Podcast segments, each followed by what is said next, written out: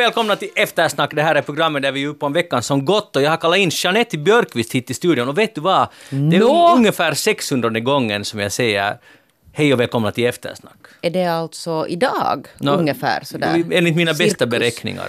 Nå, men, men tack nu för att, att jag blev välkomnad. Ja. Trevligt att se dig också. Det, ja, alltså, det betyder att vi har Titta, träffats ställd. 600 gånger. Jag tror att det kan hända att vi har träffats ännu flera gånger än så. Ja, så här med bakom en mikrofon, eller framför en mikrofon. Ja. Börjar det bli för mycket för dig? Nej, absolut inte. Aldrig tar det slut. Johan Fagerud är inkallad från Sverige för sin del. Välkommen med. Tack. Skådespelare.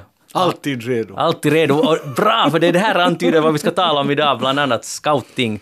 Det ska vi återkomma till. Eh, hur går det? Tack, det går bra. Jag, som du ser, eh, som inte lyssnarna ser, men ni kan gå in på Twitter eller vad det är och titta på bilden som vi tog av oss. Jag ser ut som en slickad katt efter att ha cyklat hit genom ösregnet, för jag ville vara hurtig dagen till ära. Vad bra, en slickad katt har vi alltså med i studion. Jag heter Magnus Lundén. Programmet är Eftersnack och vi ska tala om veckan som gått och vi har fått ett fint liten lyssnarrespons. Hej! Lyssnade till Eftersnack idag eh, och kan vill så här berätta för Eftersnack att i Nickby i Sibbo stannar med versaler alla bilar för fotgängare vid de vita strecken. Det räcker, räcker att man närmar sig dessa utropstecken. Fantastiskt, eller hur? Utropstecken igen. Eftersom jag är inflyttad vet jag inte hur detta kan fungera så bra just i Nickby. Och det häls, hälsar Katarina. Och man blir ju riktigt glad när man Jag läser blir det här. jätteglad. Jag blir Bravo Sibbo! förvånad för att jag ondgjorde mig över förarna som nästan körde på mig idag just nu när jag cyklade hit. Alltså, Helsingfors? Ja, i Helsingfors. Men det var ju inte Nickby. Ja, men jag kunde inte cykla via Nickby om jag skulle hit till Böle. No, men om, då ska du inte klaga. Nej men, jag, nej men jag blev chockad alltså. Det var så här att de nästan gasade Jo. när de såg mig komma. Välkommen att nu kanske vi får den här tönten som cyklar i regnet. Men nej, de fick mig inte. Men jag blev arg alltså. De, de, jag är ju van med svenskarna som stannar vid varje övergångsställe. Men du måste förstå, de kanske tyckte att vad gör den där slickade katten på en cykel? Det, det var Ja. det. Jag tror att de tänkte Felet var ditt, det. Johan. Fel är Så vi pratade faktiskt förra veckan om att det finns en, eh, ett visst attitydproblem i det här landet när det gäller just bilister i trafiken. No, det är den där chocken Vilket att man nästan bevisa- får intrycket av att de gasar istället för att bromsa. Men är det alltså allvarligt talat en skillnad mot Sverige? Mm, Stor skillnad. Stor skillnad. Mhm. Alltså, Också mot det hetsiga Stockholm? Jo, jo, alltså där stannar de vid skyddsväg. Övergångsställe. Vad kallar ni det? Det heter övergångsställe. Övergångsställe, okej. Är inte skyddsvägen en översättning från finska? Jo, så Okej, ja, det är. ja. Fast det är ju ett ganska bra ord. Zebra crossing heter det väl på engelska. Ungefär så. Men det där i Nickby kan man cykla och gå. Då ska jag cykla i Nickby. Ja. Det påminner mig, vi har ju faktiskt en gång firat eftersnacks julfest i Nickby. ja, det är länge sedan. Dit borde vi få på nytt. Ja, inte blev vi överkörda, så det tyder på att det här stämmer, den här uppgifterna som kommer därifrån. Alla måste flytta till Nickby om ni vill träffa trevliga bilister. Eller någon annanstans i Sibbo. Vi skulle kunna göra en sån här efterlysning. Var finns det andra trevliga ställen där ni lyssnare bor, där bil, bilisterna alltid stannar? Så där svenska kulturen. Ja. Det skulle vara roligt att höra en bilist som säger att jag stannar alltid, jag bor i Helsingfors så jag stannar alltid, förutom Jeanette som redan med att hon alltid stannar, men det måste ju finnas någon annan som gör det. Vi, I väntan på det så eh, ska vi gå vidare. Jag tänker diskutera den här, eller jag tänkte att vi skulle diskutera, ursäkta, Skogbyolyckan och allt det som har hänt den här veckan. Det var ju alltså den här olyckan där tre beväringar omkom vid en plankorsning. En, ett militärfordon krockade med ett tåg i Raseborg, i Skogby i Raseborg. Och nu har det varit domstolsbehandling i Västra Nylands tingsrätt, men några olika förvecklingar där. Eh, Det, slutar, eller det har ju inte slutat ännu, men häradsåklagaren åklagaren säger nu att för henne är det tillräckligt om den chaufför som nu är åtalad, om han bedöms skyldig men inte får ett straff. Men förvecklingarna är ju alltså intressanta för att det, det var ju inte meningen att det skulle väckas åtal först. Nej. Det var inte meningen, ända tills biträdande riksåklagaren hade fått ett klagomål och satt sig in i frågan, Jukka Rappe, och började sätta sig in i frågan och kom fram till att chauffören äh, ska bli åtalad och den, på den vägen är vi nu. Så först bestämdes det inte skulle väckas något åtal. I Raseborg bestämde man, eller för- förlåt, i Västra Nyland bestämde man så, men sen gick det ändå vidare på det här sättet. Jag måste säga att när jag läste de här artiklarna och i och med att jag nu också har besökt det där stället och följt med ganska noggrant, så är jag nog extremt kritisk till att uh, än att man har väckt det här åtalet mot Det gjordes ju en olycksplatsutredning, ganska Ja. omfattande sån. Och man kom bland annat fram till att det var i praktiken omöjligt för chauffören att se det här tåget. Och sen vill man ändå hitta en skyldig. Jag kan på ett sätt förstå det att man, vi, kanske inte an, an, använder ordet skyldig, men hitta en ansvarig. Hur kunde detta ske? Men det fega i det här, och det är liksom systemets feghet, är det att man går åt en enskild beväring. För att i, det är inte så att i militären, klart alla har sitt personliga ansvar, men det finns också ett system som på något sätt också måste göras skyldig i så fall, om man nu ska hitta skyldiga. Här är en, det är en olycka, det är en tra, hemsk, tragisk olycka, men att, att gå åt en chaufför, så då ställs det många andra frågor som vi nog inte har fått något svar. Så det är fegt av biträdande riksåklagaren att bara begränsa sig till till det här, för jag påstår att de inte vågar gå åt Försvarsmakten. Uh, kanske jag har fel, jag hoppas jag har fel, men några frågor. Um, om det är nu så här att att nu ska plötsligt en enskild chaufför uh, bli, be, befinnas skyldig för någonting, så varför har om det var så farligt ställe och man borde ha iakttagit äkta försiktighet, varför har inte då Försvarsmakten för länge sedan sagt att hej, vi använder sen inte den där plankorsningen? Och, och eftersom man inte har gjort det, vem är skyldig till det? Vem är liksom skyldig? Vem är ansvarig för den saken? Och varför har man inte någon, äh, inget system för att vid varje farlig överfart där det inte finns några bommar, så har man ett system där någon går ut, speciellt om det är usel sikt och snöoväder och folk är trötta, någon går ut och tittar och eh, dirigerar trafiken förbi. Vem är skyldig till det, att det inte har funnits? Nej, ingen, det hittar man inte heller någon skyldig till. Och, och varför talar Nylandsby högsta ledning, och det har vi talat om här i eftersnack också, direkt efter olyckan talade de om att det fanns ingen annan rutt än denna obevakade plankorsning att åka över. Och det är lögn, och det vet de, och de ställs inte till svars för det heller. Man ljuger, säger eller i alla fall är man ovetande och påstår att det inte finns något annat ställe att åka över. Det är helt enkelt inte sant. Några kilometer längre bort finns det med bom och allt som är mycket säkrare. Men då istället för att det ska ge en intryck av att man har skipat rättvisa, skipat rättvisa, så går man åt en enskild chaufför som en beväring. Jag tycker det är svagt och uselt. Har ni någon kommentar till det? Amen. Amen, ja. Amen på den saken. Men vad tycker ni? Nej men det är ju helt som du säger för att det där eh, det är klart att ansvars, ansvariga människor brukar i vanliga fall att synas i sånt här också. Att det, det är kanske inte direkt jämförbart. Men för några år sedan när det var det här fruktansvärda fallet med den här Vilja Erika flickan. Som efter en lång uh, och sån här resultatlös process där alltså barnskyddet var inkopplat och det var en massa andra myndigheter och skolan och liksom en sån här som liksom, det ledde ingen vart och alla på något sätt missade det här och det slutade med att hon misshandlades till döds av sin pappa och sin styvmamma. Eh, och det var liksom en rättegång och sen kom en annan rättegång där man åtalade då alltså de här eh, bland annat socialarbetarna. Och då var det ju flera alltså som ställdes inför rätta. Bland annat den ledande socialarbetaren. Alltså den som var chef över de här socialarbetarna. Och hon plus en av de här eh, socialarbetarna, som, hon som hade varit alltså långvarigast i den här relationen. Så de båda eh, dömdes. Alltså chefen, på något sätt liksom att, att den som är underhuggare, så där finns alltid alltså en chef ovanför. Ja, och då måste man ändå tänka att, att det funkar i militären så att det är ju väldigt hierarkiskt ändå, trots allt. Och det finns, ansvaret går alltid så att säga uppåt. Men tänk att sen när det händer så här, eller i alla fall det här fallet, så då har man inte lyckats lyfta fram någon annan ansvarig. Och jag säger inte att man heller måste, för att det här är ju, en, det är ju faktiskt en olycka. Men det, det dumma Nej men är... sådär på ett principiellt Ja. plan. Ja, precis. Och sen att man ändå väljer att gå till den där, en, den där beväringen som höll i ratten. Och som eh, han beväringen har sagt själv, uh, han har inte själv vittnat nu, men tidigare sagt att ingen har fäst uppmärksamhet vid att det här är sen en farlig korsning. Och, och förstås har han eget ansvar. Men, om, om, om inte man kan se, och ingen har sagt att se upp sen där. Det var just det när jag läste notisen att de hade varit på plats, de hade kollat och de konstaterade att ingen kan se det här. Så då blir det ju helt absurt att ställa honom till svars för det. Det som du säger att man måste gå, varför valde de den vägen om det finns en alternativ väg? De måste ju reda ut det, så det är ju viktigt med en utredning. Men att låta honom bära skulden för allt det här, om de dessutom konstaterar att ingen i hela världen ska kunna se. Det, sen är det nästa fråga, att varför har de inte åtgärdat det? Vem som nu är ansvarig för det, att, att sikten är så dålig, varför har man överhuvudtaget en, en överfart på det stället? Om det är omöjligt att, att se kommande. Men jag får nu en sån här känsla i alla fall att det här är ett jätteolustigt ärende också för den här åklagaren.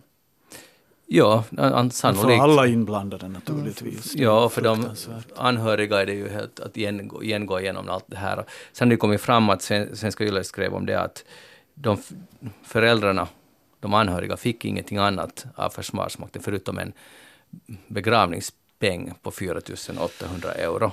Och egentligen ingenting annat alls. Och det är nog, där är vi på något sätt alla då inte kanske vi nu alla är ansvariga, men nu, nu, nu lever vi i ett konstigt samhälle där man, för man, man måste komma ihåg att man blir kallad till armén, man måste fara dit. Och sen om man betalar med livet så måste staten, som man kallar en, måste ersätta det på något sätt och inte bara sätta in på ett eh, dödsboets konto som det beskrivs här i den här artikeln. Jag tycker det är helt skamligt. Alltså det, eh, och nu har det, har det gjorts en lagändring, eh, men det gäller inte retroaktivt, utan det gäller bara från och med, vad det första, första 2019 eller 2018 eller hur det nu var. Uh, och då kommer, men eftersom beväringar sällan har barn och, och så att säga egen familj så kommer ersättningen stanna vid 20 000. Och man, vi måste förstås utgå från att ingen någonsin mer kommer att dö men, uh, när den gör sin värnplikt, men det finns ju alltid en liten, liten, liten risk. Så hur kan man ens bestämma, hur kan, man, vem, vem har, hur, kan, hur kan det vara så att, alltså pengar betyder ju egentligen säkert ingenting, men det är ju löjligt, liksom, det är pinsamt att försöka kompensera det med, det med 4 000 euro. Tystnad. Mm. Vad ska man säga? Jag vet inte. Uh, svagt av ganska många här i det här fallet. Nåja, vi går vidare till om, uh, faktiskt om uh, militär igen, för det var ett annat fall som väckte mig, mitt intresse. Här är två beväringar som, som blev dömda skyldiga till tre, 30 dagars villkorligt fängelse för att de somnade under ett bevakningsuppdrag. Det var så att de hade en övning i Syndalen, alltså i Hangö, och skulle be bevaka en bom som förhindrar inträde på skjutområdet under en skjutövning med skarp ammunition. Och istället för att bevaka det här, den här bommen så lade de sig ner för att sova. De var tydligen trötta. Eller så var de bara slappa, jag vet inte. Nu har de fått då igen, dömts till 30 dagars villkorligt fängelse. Det här tycker jag också är ganska konstigt att Alltså det var ju svagt av de här killarna att lägga Och sig det ner gick och alltså somna. via tingsrätten. Ja, det här var det då i tingsrätten.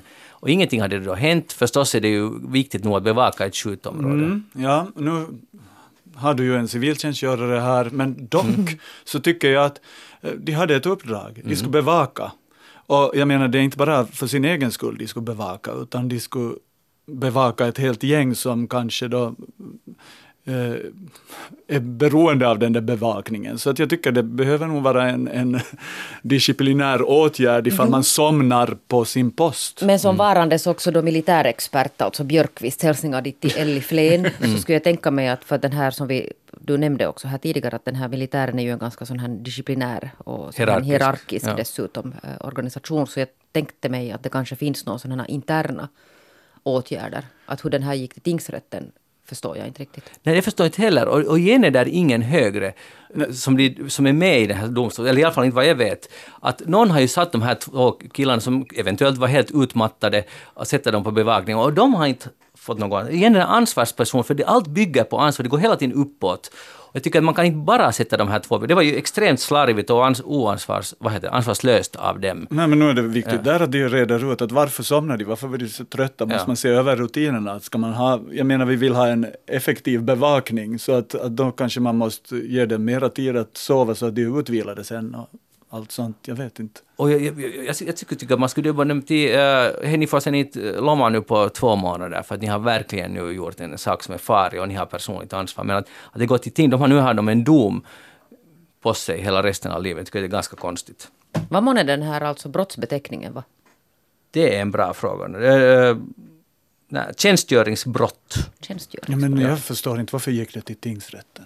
Det är mycket vi inte förstår. Uh, det, Nu kan någon lyssnare som vet bättre förklara det här. Låt oss veta. Och jag vet måste- det finns många experter på sådana här frågor. Så gå in på facebook.com eftersnack och tyck till vad vi, borde, vad vi har missat den här frågan och andra frågor. Det finns alltid mycket vi missar. Hej, skulle ni, Johan, äter du vegetariskt någonsin? Absolut. Hur ofta? Ofta.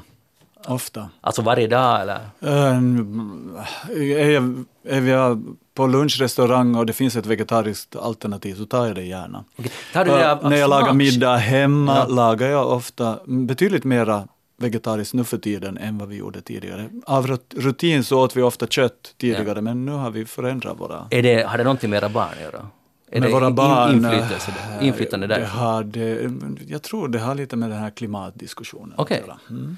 Uh, nå, när du går till en lunchrestaurang och det finns vegetariskt kött så väljer du vegetariskt, är det av smakorsaker eller är det några etiska skäl eller vad, vad är det styr? dels har det nog faktiskt att jag känner att jag mår lite bättre av det.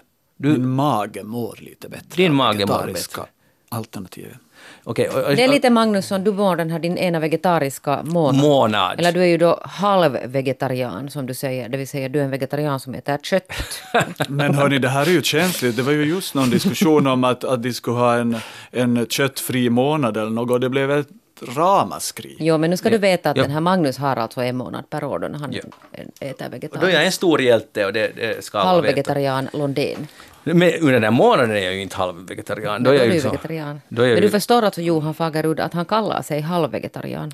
Okej. det är du som... Nej, Men du jag- har själv sagt det. Vi kan gå tillbaka men- i arkivet. Ja, ja, ja, ja, jag är stolt. Jag är, halv, jag är en stolt halvvegetarian. Det funkar bäst för mig. skulle du ha sett mig Men- på färjan igår skulle du inte kalla mig vegetarian. Jag åt allt som dukades fram. Bra tackat, den ärligheten, det, det är också viktigt med det. För nu, jag läste en, en artikel på Svenska Yle om fem ungdomar från Katedralskolan i Åbo. De har varit där och besökt att, att hur smakar skolmaten och så vidare. Och, och där är två tjejer och tre killar och, och så frågar de att hur, hur är det med den vegetariska maten. Och jag tycker det är alldeles fantastiskt för de här killarna säger alla i en kör att alltid om det är vegetariskt så då far de ut och äter lunch utanför skolan. De kan inte tåla vegetariskt. De skulle aldrig äta vegetariskt. De vill inte ha vegetariskt. Och tjejerna säger att- att det är riktigt mums med vegetariskt. Vi tycker om vegetariskt. Och, och tänk den här Indien, tänk att det är så.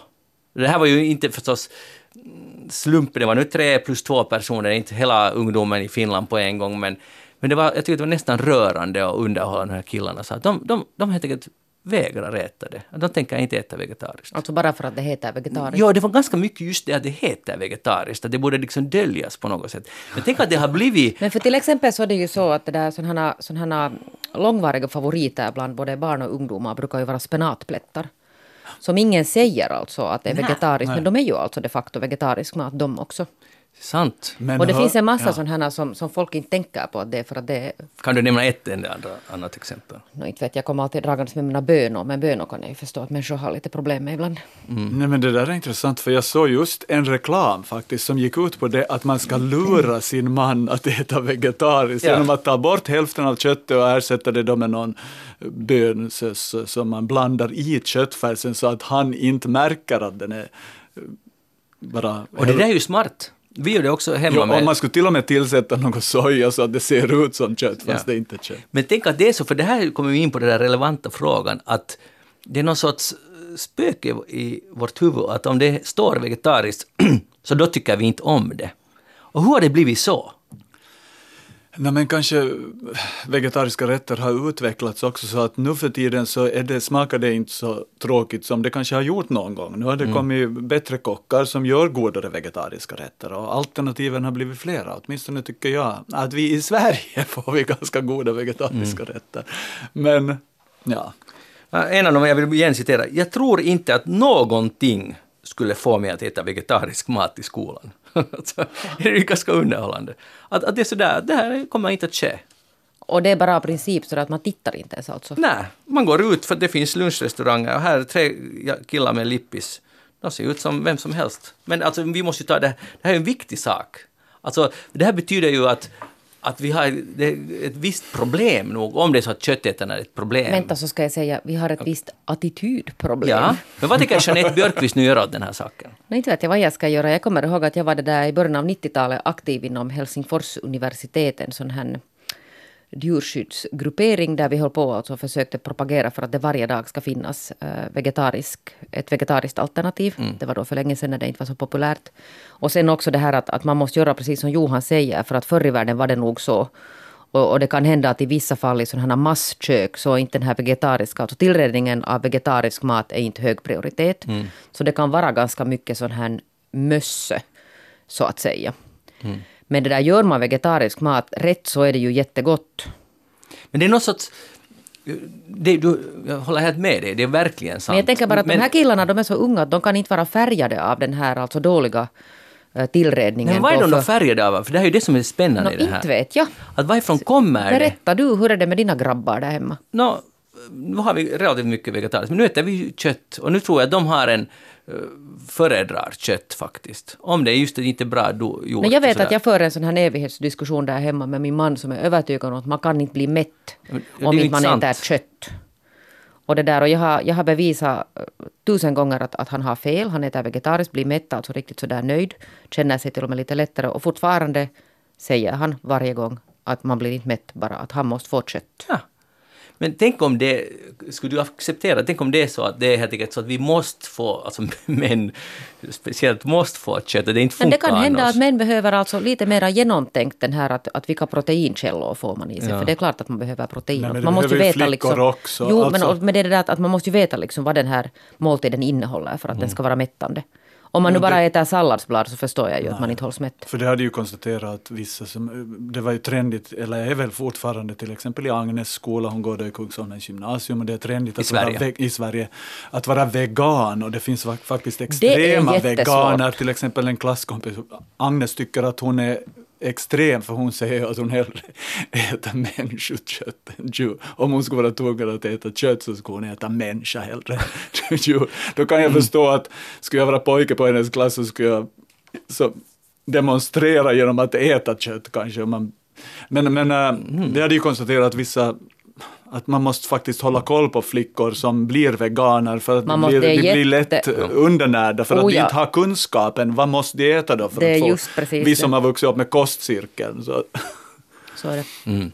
Hej, eh, vi går vidare. Idag fyller min scoutkår, Helsingfors scoutkår, Spanarna, Spanarna, Spanarna, Helsingfors scoutkår, Spanarna fyller 100 år just idag, fredag den 30 Grattis september. spanarna. Grattis! Ja, stort grattis till Spanarna som fyller 100 år idag. Var du med från starten? Eh, jag, var inte riktigt, och ganska långt ifrån faktiskt. Det där, eh, så jag tänkte vi måste ju diskutera scouting nu. Och det där, det här finns säkert eventuellt några fördomar eller stora kunskaper, men för mig är scouting ett sätt att komma ut i naturen och vänskap och det, och det är förmånligt. Alla, näst, jag skulle säga att alla har råd med det och det är inkluderande och så vidare. Och det här är inte bara fina ord, utan det är viktiga ord i dagens samhälle. Men vad tycker ni om scouting? Men vet du alltså någonting om den här utvecklingen? De senaste, alltså har scouterna ökat i popularitet eller har de minskat? Jag tror att det alltid går i vågor. Jag skulle säga att det kanske har... Nu ska jag inte säga. Jag, jag skulle tro att det har lite minskat de senaste åren. Men till exempel, det finns många välmående kårer i Svenskfinland och Finland som det går hur bra som helst. Och sen finns det säkert andra som har... Det stora problemet är att scouting bygger på att det måste finnas uh, ledare som kan ge av sin egen tid och som inte får någon ersättning för det överhuvudtaget. Alltså ekonomisk ersättning. Man får en massa annan ersättning, god vänskap och sånt. Men, och det är att folk har inte tid och det är en grym utmaning för scouting och för all, all annan frivillig verksamhet. Men det är just det som gör också scouting så bra. Att jag tror att människor mår bra av frivillig verksamhet, att syssla med det. Att göra någonting utan att man får, får fyrk för det. Men det låter inte kanske så lockande. Varför ska jag göra allt det här på min fritid och jag får ingenting betalt? Och det här är ett problem. Men det där, är det nu inte sen så att de som blir sådana här ledare är sådana som har varit med i scoutingen sen de var små, så att de är på något sätt invuxna i det här systemet? Nu, nu är det oftast så, absolut. Det där, nu bor jag ju då i ett hus där, där det där, mitt barn började läsa då för ganska många år sedan. Hon fyller åtta. Och så började hon läsa Kalle Anka och så läste hon, hon om Knatte Fnatte Chatte och så bestämde hon sig för att hon ska bli scout. Mm, bra. Och sen började vi alltså febrilt söka att vem tar emot. Alltså hon skulle ha velat börja alltså då när hon var sex och det tog ingen emot. Och så hittade vi då en underbar kår som heter Spanarna. Aj, Spanarna! Hi- Hittar ni det? Som fyller hundra år nu? Som fyller 100 år. Ja. Som tog emot alltså som enda faktiskt sjuåringar Okej. förra hösten. Alltså för att gränsen för att börja är... De har satt den på åtta år, alltså att man, man ska gå alltså i andra klassen och det finns säkert alltså orsaker till det här att man på något sätt ska vara mottaglig för regler och på något sätt lite mogen också. Att det där Regler? Det finns ju inte sådär jättemycket regler, men okej. Nej men nu så där vet du att man ska nu liksom kunna, man springer inte vet du, rymmer i skogen eller något så inte vet jag vad de liksom tänker. Inte vet jag me liksom vad det är nu som är. Jag menar spanarna tar ju då faktiskt emot första klassisteren. Och hon är alltså det där, sen, sen, eh, sen måste vi alltså byta för att vi hade sen en annan scoutkår närmare så nu har vi bytt till, till hösten och jag vet, Magnus behöver inte säga någonting, det var, det var det är förkastligt, Det är på alla sätt, ja. det är hemskt. Alltså, det, Men huvudsaken är, att hon är scout. ja, och hon är scout och hon är mycket entusiastisk. Får man inte byta kod man måste Nej, men hon, är, hon var lite ledsen själv för att hon kände sig som en spanare och sen, sen tyckte vi att av bekvämlighetsskäl. Men hon håller nu på att försöka komma in i sin nya scoutkår. Men det skulle jag bara säga att sådär, sådär ur, ur stadsförälderperspektiv så tycker jag att det är helt fantastiskt. För att, för att man kanske inte är så aktiv annars på att ta ut. Jag är själv uppvuxen alltså på landet. Och jag har sörjt hemskt mycket det här att, att mitt barn ska växa upp i staden och inte få liksom samma kontakt. Det skulle kräva liksom ganska medvetet. Men scouterna, där fixar de ju det. De fixar det åt dig, Ja. de här frivilliga ledarna som Ja. jobbar. Så det, det är det som är viktigt, att föräldrar ska uppskatta de här ledarna. Alltså jag uppskattar dem storligen. Bra! Johanna, vad är din erfarenhet av scouting? Äh, ingen erfarenhet av scouting, annat än att jag vuxit upp i Jakobstad som tydligen hade hemskt aktiv, eh, aktiva sjöscouter som var ute och seglade och det lät hemskt fantastiskt och fina gemenskapsupplevelser och sånt, men jag var ju, tog ju inte del av dem då. Men, men äh, så det var någonting, när du säger knatte fnatte chatte så det jag ju läste från perm till perm var ju Gröngölingsboken som jag älskar, så jag hade min egen lilla scoutkår. Men jag var inte alls attraherad av det där att gå med i en grupp och tillsammans gå ut i skogen och Aha, varför det? Alltså? Gnida pinnar mot varandra. Nej, men det är ju det som är så upp eld. fantastiskt. Men det är väl bara mina fördomar och sen klä sig i någon slags sån här uniform och ha skarfar och, och gemensamt sjunga sånger. Det är den här, när du pratar om den här scoutdansen så associerar jag genast till en sång som min, min första lärarinna sjöng med oss varje morgon. Ta fram det bästa humör du har var morgon när solen går upp. Och jag blev bara argare och argare med er. Vi sjöng den där sången och det var något superhurtigt. Och nej, det var inte för mig. Jag hade min egen lilla scoutkår i Jakobstad i mitt rum tills föräldrar och andra sa att nu måste du nog gå ut i naturen och inte bara sitta här på rummet. Men alltså det är det, jag, jag förstår den där hurtigheten, för den... Är det lite hurtigt?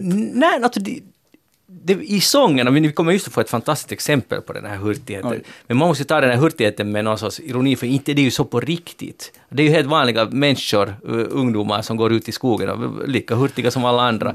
Och det är inte så att man stämmer in i en gemensam hurtig sång, utan det är mest den här gemenskapen, göra galna saker tillsammans och, och vandra i skogen, lära sig om naturen, uh, ta hand om varandra. Det, jag ska säga, det är bara goda saker. Och, Men hur kommer det, du har ju skrivit en bok om det här. ja, om scouting. Ja, om scouting, men alltså jag läste då inför det här programmet så läste jag förstås ambitiöst som jag läste lite på. Och scoutrörelsen, jag menar när den kom hit till Finland så det, den hade funnits bara några år, sen förbjöds den. Om den är så där hurtig och trevlig och bara positiv, hur kommer det sig att den förbjöds? För att det var ryska myndigheterna som förbjöd den. Men Så- det är ju inte bara i Finland den förbjöds. Uh, Före andra världskriget förbjöd man den i Tyskland också, sen tvingar man barnen att gå med i Hitlerjugend. Ja, nu tycker jag det var bra det då. Alltså, Nej, det tycker jag verkligen inte. Nej.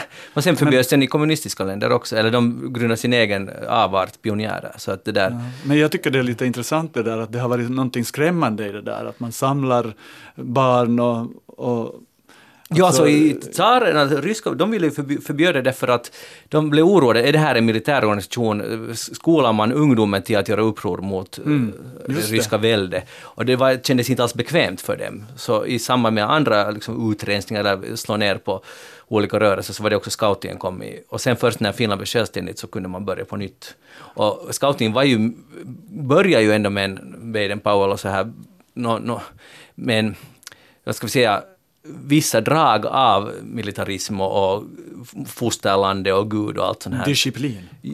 Nå, I liten mån, ja absolut. Men, men jag tycker inte alls att det är så nu och det är en ganska modern rörelse egentligen om man tänker på att vara ute i skogen och, och lära sig vildmarksteknik och sådana saker, vänskap, igen upprepa ja. de här sakerna. Så jag, jag är helt ointresserad av den här disciplinfrågan eller av fosterlandsfrågan, gudfrågan. Jag tycker inte den är alls viktig, det måste var och en bestämma själv hur den vill ha det.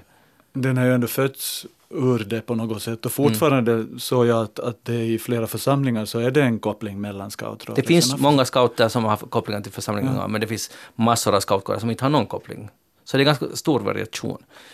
Ja, men nu för att fira spanarnas 100-årsjubileum så så när vi städar där på vår kårlokal, varje kår, eller de flesta kårer har en egen kårlokal, liksom en lya där man har funnits, och spanarna har funnits sedan 20-talet, och då hade någon grävt fram och lämnat fram en sån här och sen spanade jag direkt in det ett litet häfte som heter Lystringssång för Helsingfors scoutkårsspanarna, julen 1920, skriven av Sune Karlsson. Och det, där, och det här visste ingen vad det här var frågan om. Sune Karlsson visade sig vara en finländsk organist, organist och tonsättare som dog 1966. Men i sina ungdomsdagar, eller han var kanske 28 år tydligen, så skrev han denna, denna lystringssång.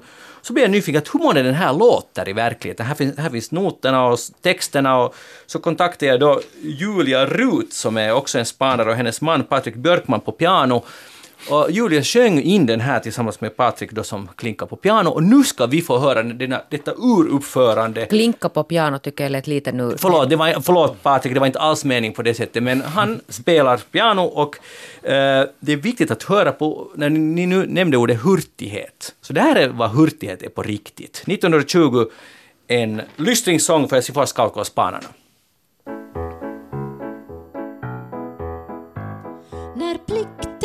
fylld och då skolan är slut då ila till friheten ungdomen ut Spanare, spanare, hej! Spanare, spanare, hej! Vår dräkt på oss kasta och glada vi hasta. Med stav och med bälte en var som en hjälte. Kamrater vi ströva i skog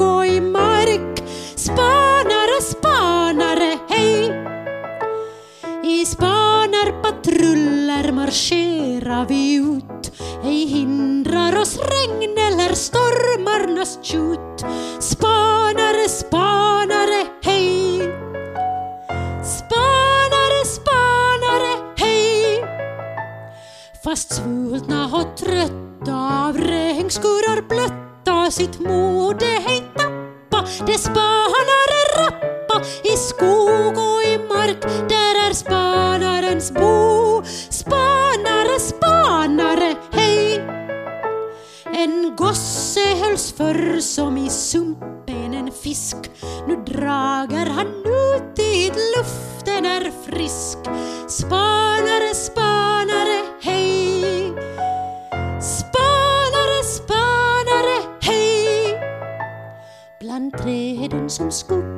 sen tält vi oss spinka Vid bålet som flammar bland furornas stammar Här spanaren tryggast sig lägger till ro Spanare, spanare, hej Spanare hej! Alltså det här var ju helt fantastiskt. Uruppförande. Men alltså, den var ju hurtig. Ja, hurtig var den. Ja. Det är bra med hurtighet, Johan. Blir, får du lite illa vara av Nej, jag blir lite så här, men hur, måste man jämt vara glad Jo. som scout? Eller får man vara lite ledsen ibland, ha hemlängtan från lägret? Får man vara deprimerad som scout? Förläggning heter det. Du, du, Ja, nu- förlåt. Nu finns det hajk också, hör du. Eh, Men du, det är viktigt, det här, en gosse hölls förr som i sumpen en fisk. Nu dragar han ut dit luften är frisk. Ser du, det, det, det var, fångenskapen var förut och nu är man fri. Det var så där som du satt där i, i Jakobstad och hade din egen. Inne i mitt rum och tills de körde ut Ja, då mig var på du i gården. sumpen då- Jag och var ledsen, ledsen ut. och sen blev jag glad, glad. Ja, Ja. alltid glad och hurtig. Alltid glad och hurtig. Jag måste och också hälsa nu här att redo. Erik som informerar när jag sa det här att, att ledarna har varit barn, så han säger att, att så är det säkert, men att, att man vill också komma bort från den här tron om att, att man måste ha varit med alltid, att man får också börja som vuxen. Exakt. Det finns Som faktiskt scout. många sådana, eller en del sådana fall. Så det finns en chans Alla ni som missade det här när ni var barn kan nu hoppa på. Så Johan, överväger du att bli scoutledare nu? Uh, nej. Inte efter den här sången? Nej, faktiskt i synnerhet inte efter den här sången. men, eh, men alltså jag ska faktiskt, eh, min far har försökt lära mig en knop Okej. hela mitt liv, så nu ska jag satsa på att faktiskt lära mig den knopen. En knop. Lycka knop. till på den vägen. Påslag kan det ha varit det. Och Jeanette, vi hoppas på att uh, dottern är nöjd med sitt nya Hon är, scoutval. alltså, hon är en scout. Det är bra. Och vad har du tänkt på den här veckan? Nu hör du, jag har tänkt på sådana som inte då scoutar utan som bara sitter med sina skärmar. För det kom nämligen en färsk undersökning som Johan vet i Sverige av, av Statens medieråd i veckan, alltså Sverige. Som visar att det där, nu är det ju inte bara föräldrar som är oroliga över tonåringarnas eller ungdomarnas skärmtid utan det är de själva också. Eh, av de här tillfrågade ungarna 9 till 18 år så anser över hälften att de har problem. Och att de sitter så mycket vid sin skärm att det är bort från till exempel scoutingen. Det nämndes inte scoutingen men det är ju liksom det det handlar om. Att istället för att scouta och vara ute i skogen så sitter de med sina skärmar. Och det här bekymrar dem alltså. Sen erbjuds här inte några lösningar. Jag vet inte om Sverige har diskuterat de här lösningarna. Men det framgår alltså också att, att det där att den här antalet alltså barn och unga som hänger på olika slag av sociala medier har alltså ökat explosionsartat. Eh, som sitter alltså över tre timmar per dag. Det är ganska mycket alltså per dag. Tre timmar vid skärmen. Vid något sådana sociala medier. Och sen då att föräldrarna fortfarande också är jätteoroliga. Men sen alltså uttrycker sig föräldrarna så här som att det är en sån här naturlag att oj nej, vi är jätteoroliga att de är alldeles för mycket vid skärmen. Men ingenting man kan liksom göra åt det. Tänk om det är så.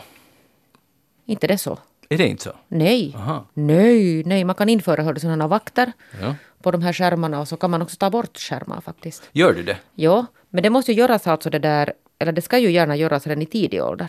Då när de börjar med det här för att på något sätt liksom lära från början att man måste begränsa det här. Mm. Sen blir det ju svårare när de blir 15 att plocka den där telefonen av dem när de sitter för mycket vid den.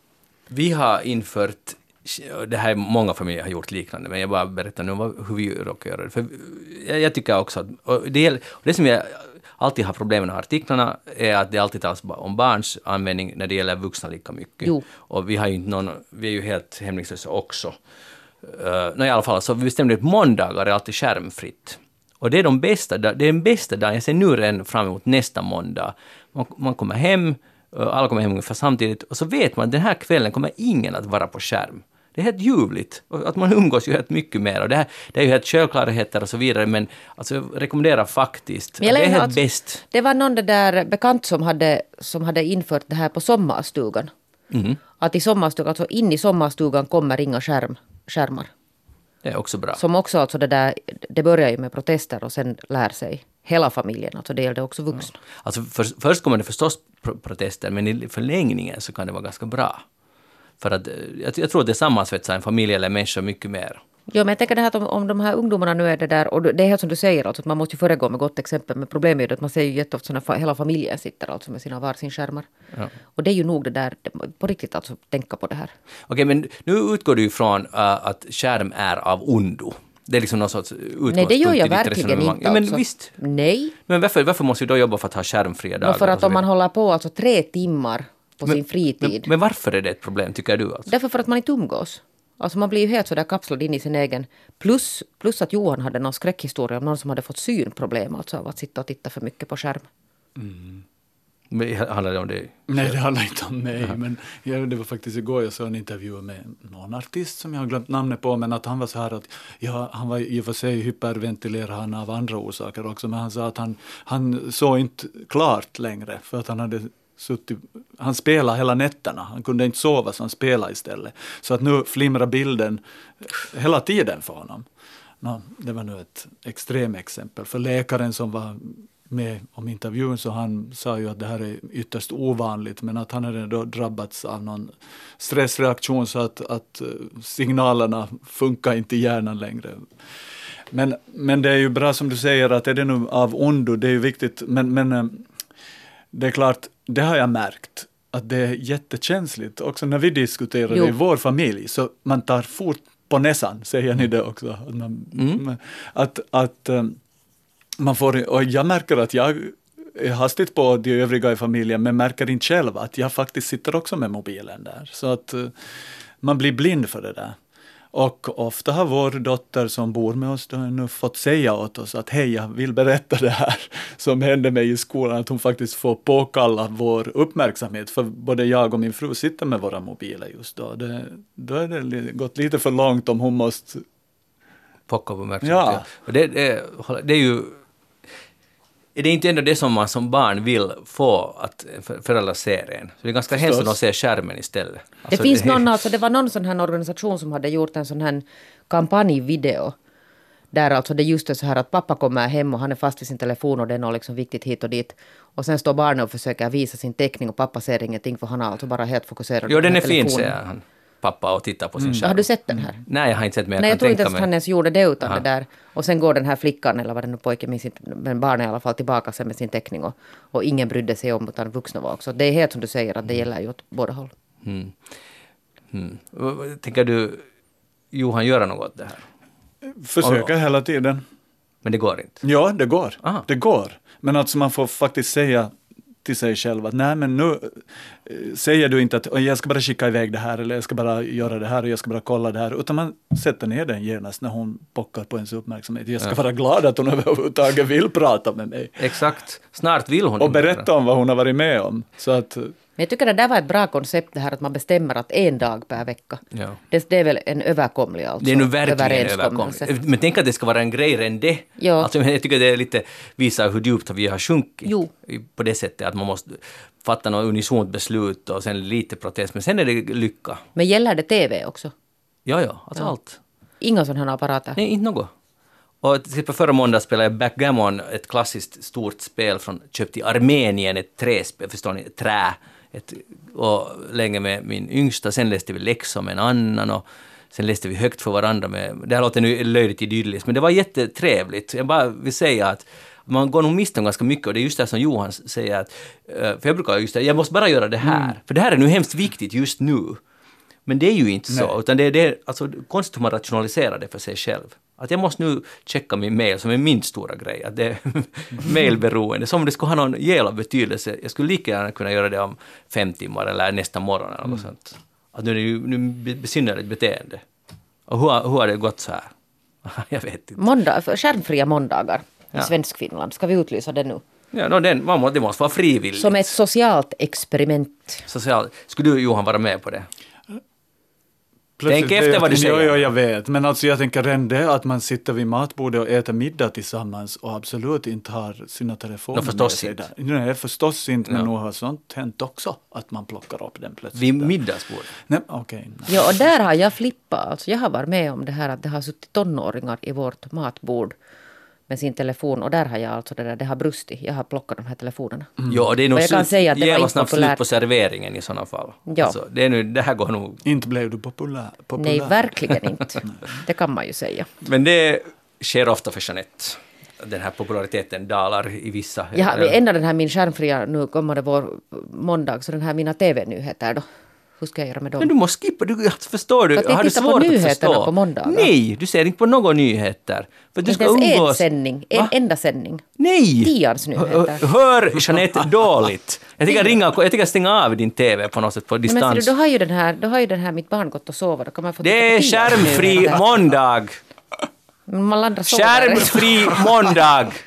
Kort och gott, punkt slut. Johan Fagerud, vad har du tänkt på den här veckan? Nå, jag gick ju helt in på det här scouting-temat då, Okej. så associerar jag förstås till naturen. För mig var ju naturen det då att jag cyklade hit genom Helsingfors, det var min naturupplevelse idag i ösregn. Mhm. Och det var fint på något sätt. Jag tog av mig skorna till och med, ta av dig skorna tog jag av mig så att jag skulle kunna cykla hit. Och Cyklade du barfota? Jo, det var, jo, jag gjorde det. Jag kände mig hemskt eh, så här hippieaktig när jag klädde av mig där Jag på Högbergsgatan och hoppade på min cykel och ångrade mig efter fem meter för att mina trampoliner, tänkte jag säga, vad heter det, pedaler var ju så här taggiga, så det var en Ja. plåga att cykla hit. Det var min scoutupplevelse, eller min naturupplevelse. Nej, men varför jag har tänkt på naturen är ju för att vi satt här för många veckor sedan och så pratade vi om, jag tror det var du, Jeanette och jag som var överens om att vi bor inne i stan och att vi, det räcker för oss att vi går lite längs med vattnet, det är vår naturupplevelse. Men jag ljög ju egentligen, för man har ju ett behov av den där naturen. Nåja, där kom det. Och jag får ju det hela sommaren, på samma sätt som vår katt får springa ut i det fria och jaga möss, så får jag springa omkring barfota på gräsmattan och då har jag det liksom behovet tillfredsställt då. Men trots det så är jag jätteglad att där vi bor nu i Stockholm, så bor vi nära vattnet och sen har vi dessutom en tall utanför fönstret, det är vår natur. Har ni en tall? Vi har en tall. Men alltså hur vi är engagerade i det där livet i den där tallen. Mm. Naturen utanför vårt fönster. Där i början av sommaren så då kom ett, ett ringduvepar som skulle bygga bo och vi följde med. Det blev dramatik, det följde de, de, hur de eh, upp, vad heter det, vad heter det, kurtisera varandra, heter det så? Du, Och det vi förstår vad du menar i Ja. alla fall. Ja. Jag vet inte, ringduvor... De var- älskar med varandra. nej, nej, det var förspelet. Ah, det var för- förspelet. för- ännu Det var spännande. Du dök pang på dummen, så de här hade... De här, dessutom har jag hört att ringduvor, de lever väl ihop hela livet har jag förstått. Men i alla fall, de kom då, de uppvaktade varandra och vi följde med hela det förspelet och det blev väl tydligen då ägg så småningom Mm. och vi tänkte oj vad trevligt, nu får vi följa med när de börjar mata. det. Men det blev ju aldrig någonting för det kom ju, sen kom ett ekorre och det kom kråkor och vi tänkte att hur ska de klara av det här? Så det var ju rena rama dramatiken där i vår natur där. Så vad är jag riktigt ute efter nu här? Men att det är för att um, En hyllning till naturen. en hyllning till naturen också i sta- storstan. Urban natur tänkte jag på. Och Jag då fan- tänkte jag på arkitektur. Och jag har sett på flera arkitekturprogram hur de, hur de har blivit måna om att placera husen så att alla ska ha tillgång till den lilla natur som finns i stan. Mm. Och det där tycker jag är en ganska smart sak. Att, man, att det blir en fråga om demokrati också. Hur man planerar husen så att alla ska få se lite av vattnet, lite av träden. Det är inte alla åt För alla. att vi har ett behov av det. Och det där är ju då alltså i Sverige för att här så diskuterar man, ska man börja bygga lite flera hus i Centralparken som nu är så där ungefär det enda lilla grönområde som finns. Ja, och det är ju nog bisarrt att man ens funderar på det. Men, men det där, ehm, jag, jag blir ju rörd till tårar för att, för att för att jag tror faktiskt, jag håller jättemycket med. Och det är ju ofta ett behov som man kanske inte är så medveten om heller. För men nu är det ju ofta, eller det står ofta i artiklar att bästa botemedlet mot si och så är att ta en promenad i skogen och så vidare. Och, och, och då, då blir ju folk sura för att de, folk är allergiska mot den här hurtigheten. Eller, eller hur kan någonting, något så abstrakt hjälpa mot någonting?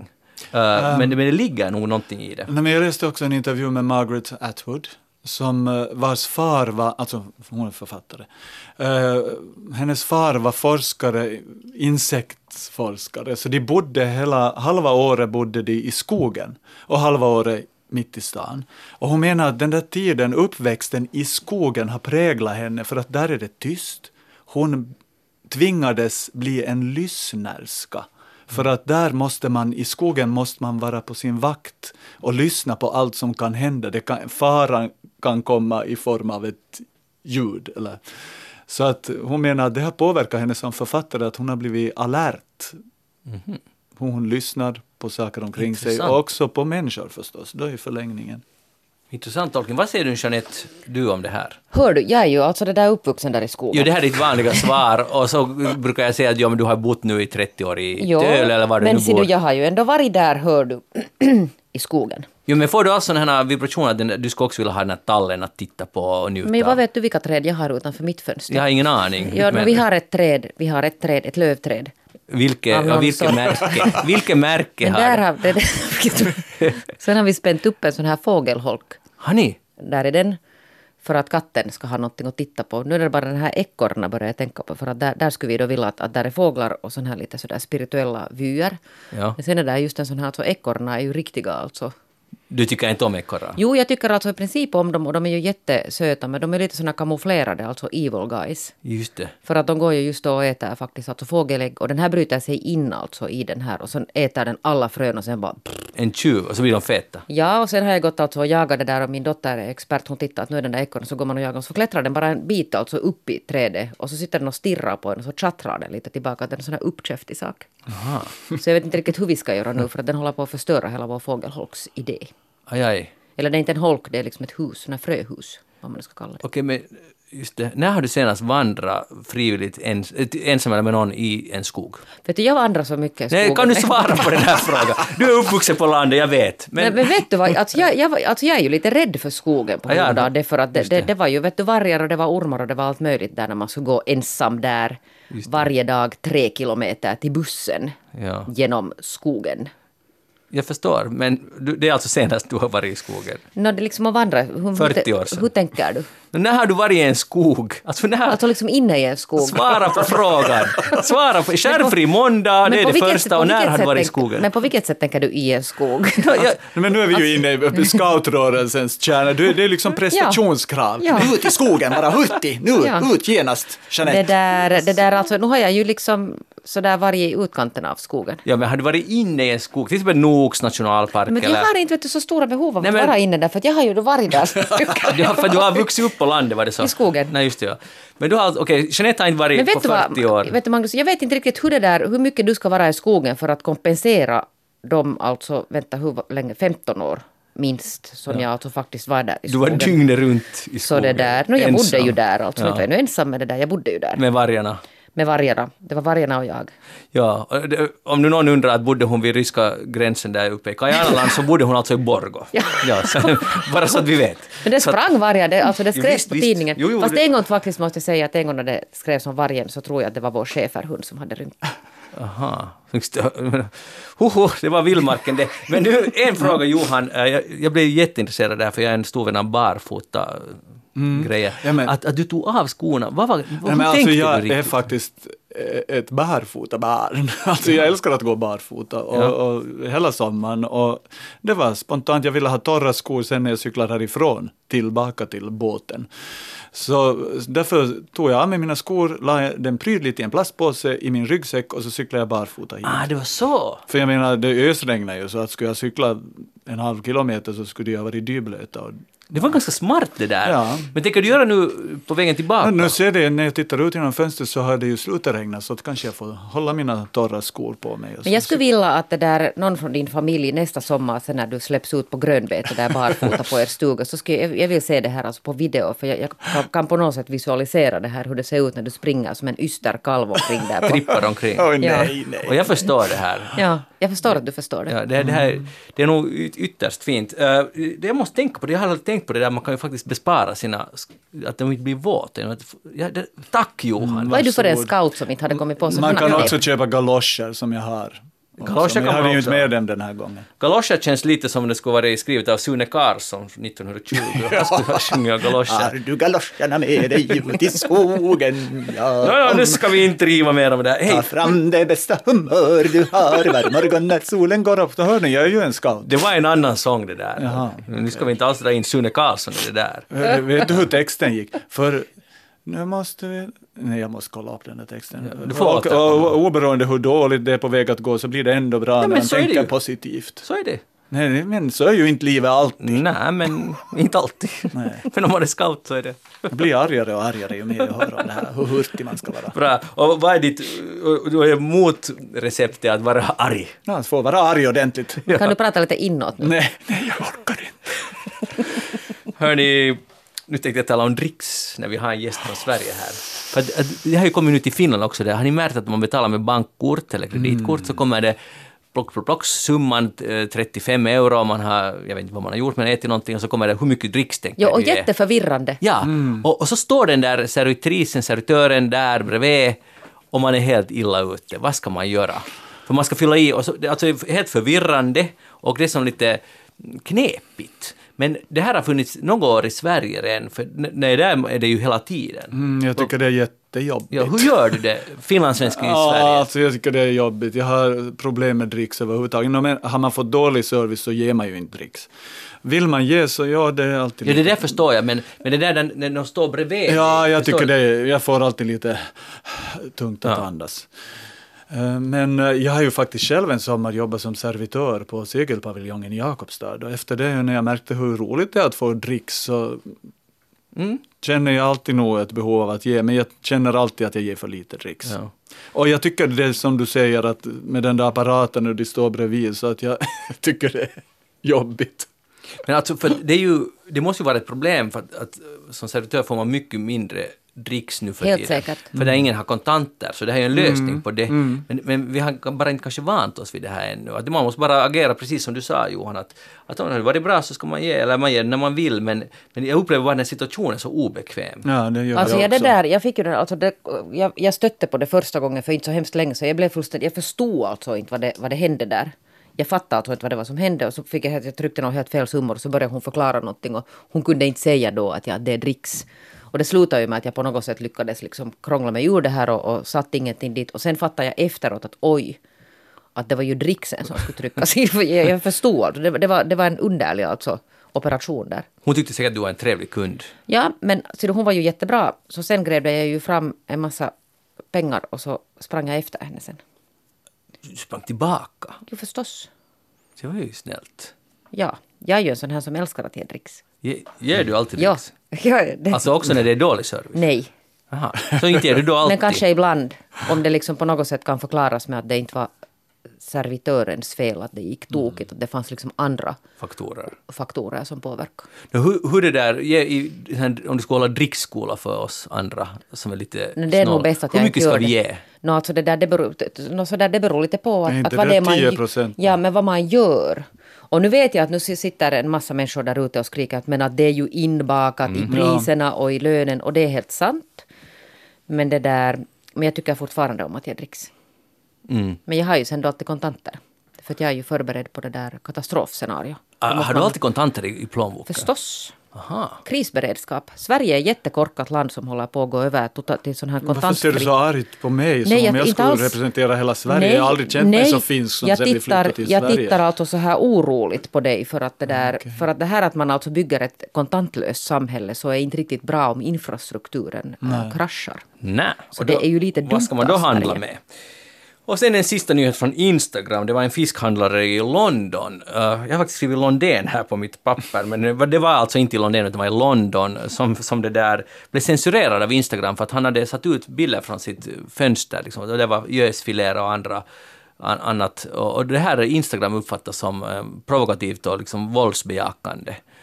Fast det då var till exempel en gösfilé som hängde där. Så Instagram censurerade och han klagade och sen blev, satt han tillbaka och sen på nytt samma vecka la han ut en ny bild från sitt shoppingfönster med fisk och Instagram stoppade det igen, alltså det är nog automatisk censur, men i alla fall.